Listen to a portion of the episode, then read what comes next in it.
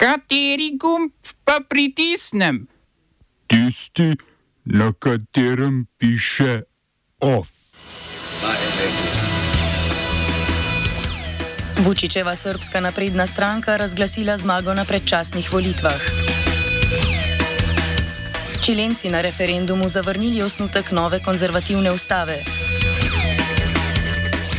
Izraelska vojska z buldožerjem nad bolnišnico Kamala Duan na severu Gaze. Ljubljanski mestni svet o združitvi ljubljanskih javnih vrtcev v enoten zavod.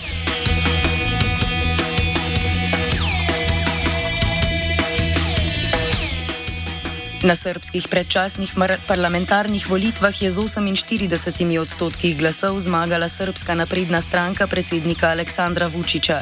S tem so si Vučičevi pajdaši povrnili absolutno večino v parlamentu. Drugo uvrščena opozicijska lista Srbija proti nasilju je zbrala 24 odstotkov glasov. Po delnih rezultatih, doslej so prešteli okoli 95 odstotkov glasov, bo parlamentarni prak prestopila še socialistična stranka Srbije. Ta je pod vodstvom Ivice Dačiča vedno, ko je bilo treba Vučiču pri vladanju nudila podporo. Iz, iz parlamenta je izpadla desničarska stranka Dveri, namesto nje sta van prišli drugi desničarski tvorbi, monarhistična nada in zarotniški ni.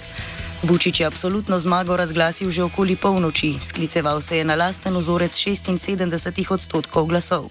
Što se tiče Republike Srbije, a još nismo ubacili Kosovo i Metohiju, gde je lista Srbija ne sme da stane osvojila prema prvim preliminarnim podacima 74,2% glasova našeg naroda.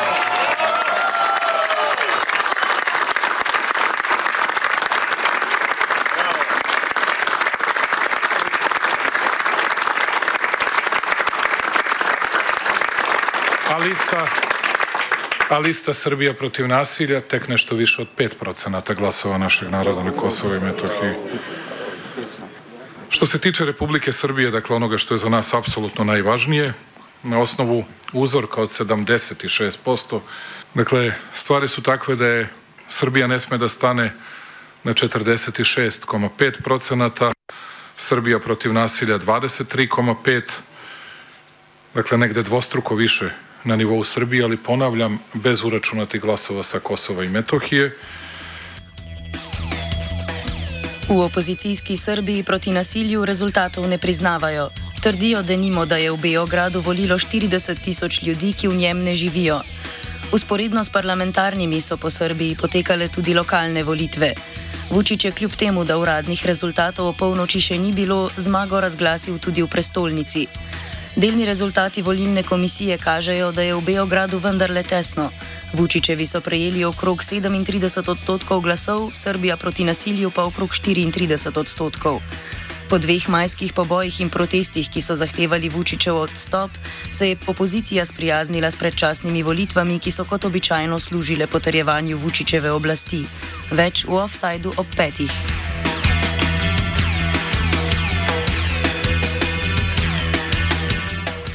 Na volišča so se podali tudi v Čilu, kjer je ljudstvo na referendumu z več kot 55 odstotki glasov zavrnilo novo ustavo.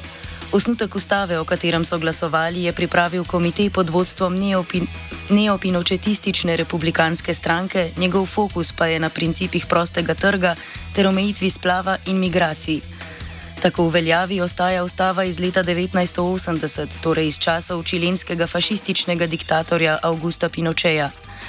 Zadnji poskus spremembe ustave je lani prav tako spodletel, saj je več kot 60 odstotkov voljivcev zavrnilo progresivno ustavo, ki jo je spisala takratna ustavodajna skupščina. V njej so glavno vlogo igrale pravice staroselskih skupnosti, spolna enakost in zaščita okolja, kar je odražalo sestavo skupščine, v katero so čilenci izvolili levičarske in staroselske aktiviste ter akademike. Po tokratnem glasovanju je predsednik Gabriel Borič že obljubil, da v svojem mandatu ustave ne bo več poskušal spremeniti. Sprememba ustave je bila ena izmed zahtev množičnih protestov leta 2019, na katerih so protestniki zahtevali korenite politične in družbene spremembe. Leta 2020 so na referendumu z več kot 80 odstotki glasov voljivci potrdili željo po menjavi Pinočejeve ustave, a se oba osnutka nove ustave torej zavrnili. Prvega, ki je bil bliže levici, ki, ker je bil predolg in prezapleten. Drugega, ki ga je spisala desnica, zato ker bi staro ustavo naredil še bolj desno.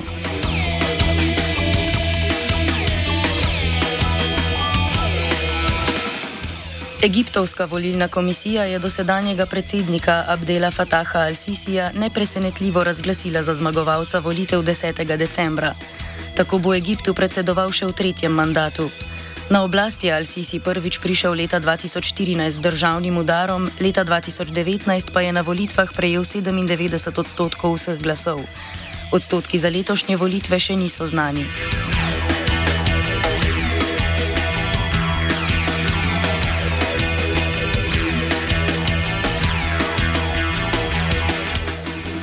Izraelska vojska je čez vikend z buldožerjem zravnala taborišče v kompleksnu bolnišnice Kamala Duan na severu Gaze. Racijo v bolnišnici je okupatorska vojska izvedla prejšnji teden, v njej pa pridržala 70 zdravstvenih delavcev. Po trditvah Urada Združenih narodov za usklajevanje humanitarnih dejavnosti ni znano, koliko ljudi je umrlo v napadu z buldožerjem, saj je prekinjena vsa komunikacija Uradov Združenih narodov in oblasti v Gazi. Na celotnem območju Gaze deluje še manj kot tretjina od 36 bolnišnic. V izraelskem raketnem napadu na begunsko taborišče v palestinskem mestu Džabalija je medtem umrlo vsaj 110 ljudi. Točnega števila umrlih po poročilih palestinskih oblasti zaradi nadaljnih napadov ni mogoče ugotoviti. V petek je izraelska vojska ubila tudi tri izraelce, talce, ki so jih borci Hamasa zajeli 7. oktobra. Mahajoč bele zastave z napisom SOS v hebrejščini so se približali skupini vojakov, ki jih je v strahu usmrtila. V izraelski vojski trdijo, da so se jim ta talci približali na način, ki je kršil izraelska pravila boja in da so jih ubili po nesreči.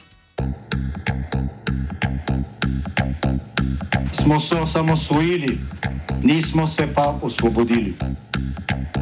Naslednje število je še 500 projektov izpiljene modele, kako so se strani nekdanje LDS rotirali. Ko to dvoje zmešamo v pravilno zmes, dobimo zgodbo o uspehu. Takemu političnemu razvoju se reče udar. Jaz to vem, da je nezakonito, ampak kaj nam pa ostane? Brutalni obračun s politično korupcijo. To je Slovenija, tukaj je naša zemlja, to je Slovenija, Slovenija, Slovenija. Ljubljanski mestni svet bo na današnji seji odločal o združevanju ljubljanskih javnih vrtcev v enoten zavod. S tem bodo, kot trdijo na občini, optimizirali poslovanje vrtcev in s prenosom administracije na zavod razbremenili ravnatelje. Po predlogu bodo ravnatelji le še pedagoški vodje vrtcev, zavod pa bo vodil in zastopal direktor. Na Zvezi društev pedagoških delavcev Slovenije in na oddelku za pedagogiko in andragogiko Filozofske fakultete Univerze v Ljubljani predlogu nasprotujejo.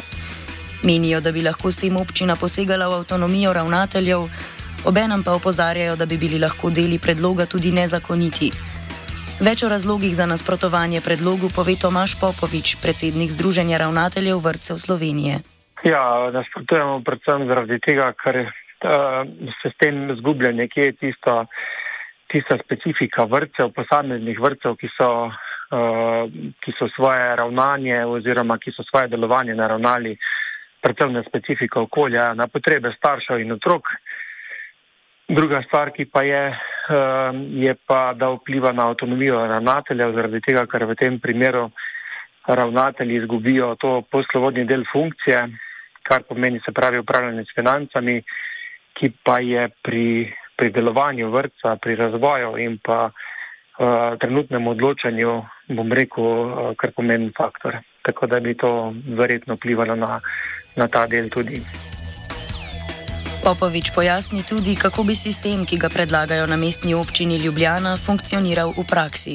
V praksi bi um, verjetno je manjša občutljivost na okolje, se pravi na, na posameznika. To, je, to nastane velik sistem, ki definitivno ni tako odziven kot so manjše enote. In ravno pri pri vrtcih je pomembno, da se ohrani ta odzivnost, s tem se vzpostavi tudi varnost za otroke in starše, predvidljivost, uh, lažje funkcionirajo manjše enote kot pa večji sistemi. Ne.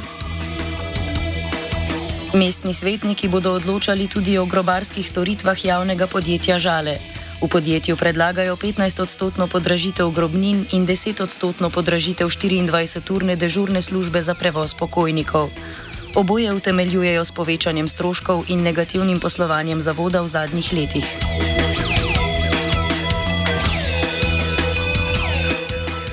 Mini, novi minister za javno upravo Franz Props iz Gibanja Svoboda je svoj mandat začel s sodno poravnavo s prejšnjim delodajalcem, upraviteljem nepremičnin SPL. Od ministra je SPL terjal 400 tisoč evrov za škodo, ki jo je podjetju med letoma 2011 in 2019 povzročil kot generalni direktor. Tožbo proti, proti Propsu je podjetje vložilo takoj po njegovem odhodu iz podjetja.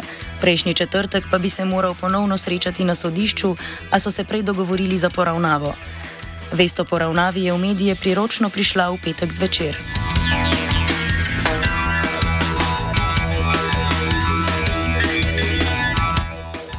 Višje sodišče je vodjo lekarne v ortopedski bolnišnici Valdoltra Natašo Faganeli zaradi, ne, da, zaradi sprejemanja podkupnin obsodilo na dve leti zapora.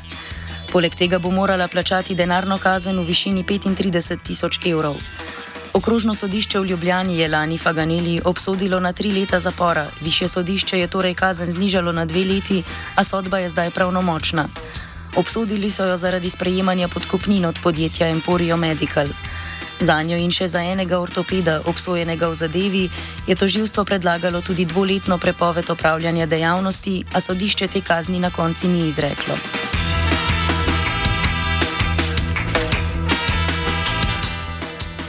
OF je pripravil Luka.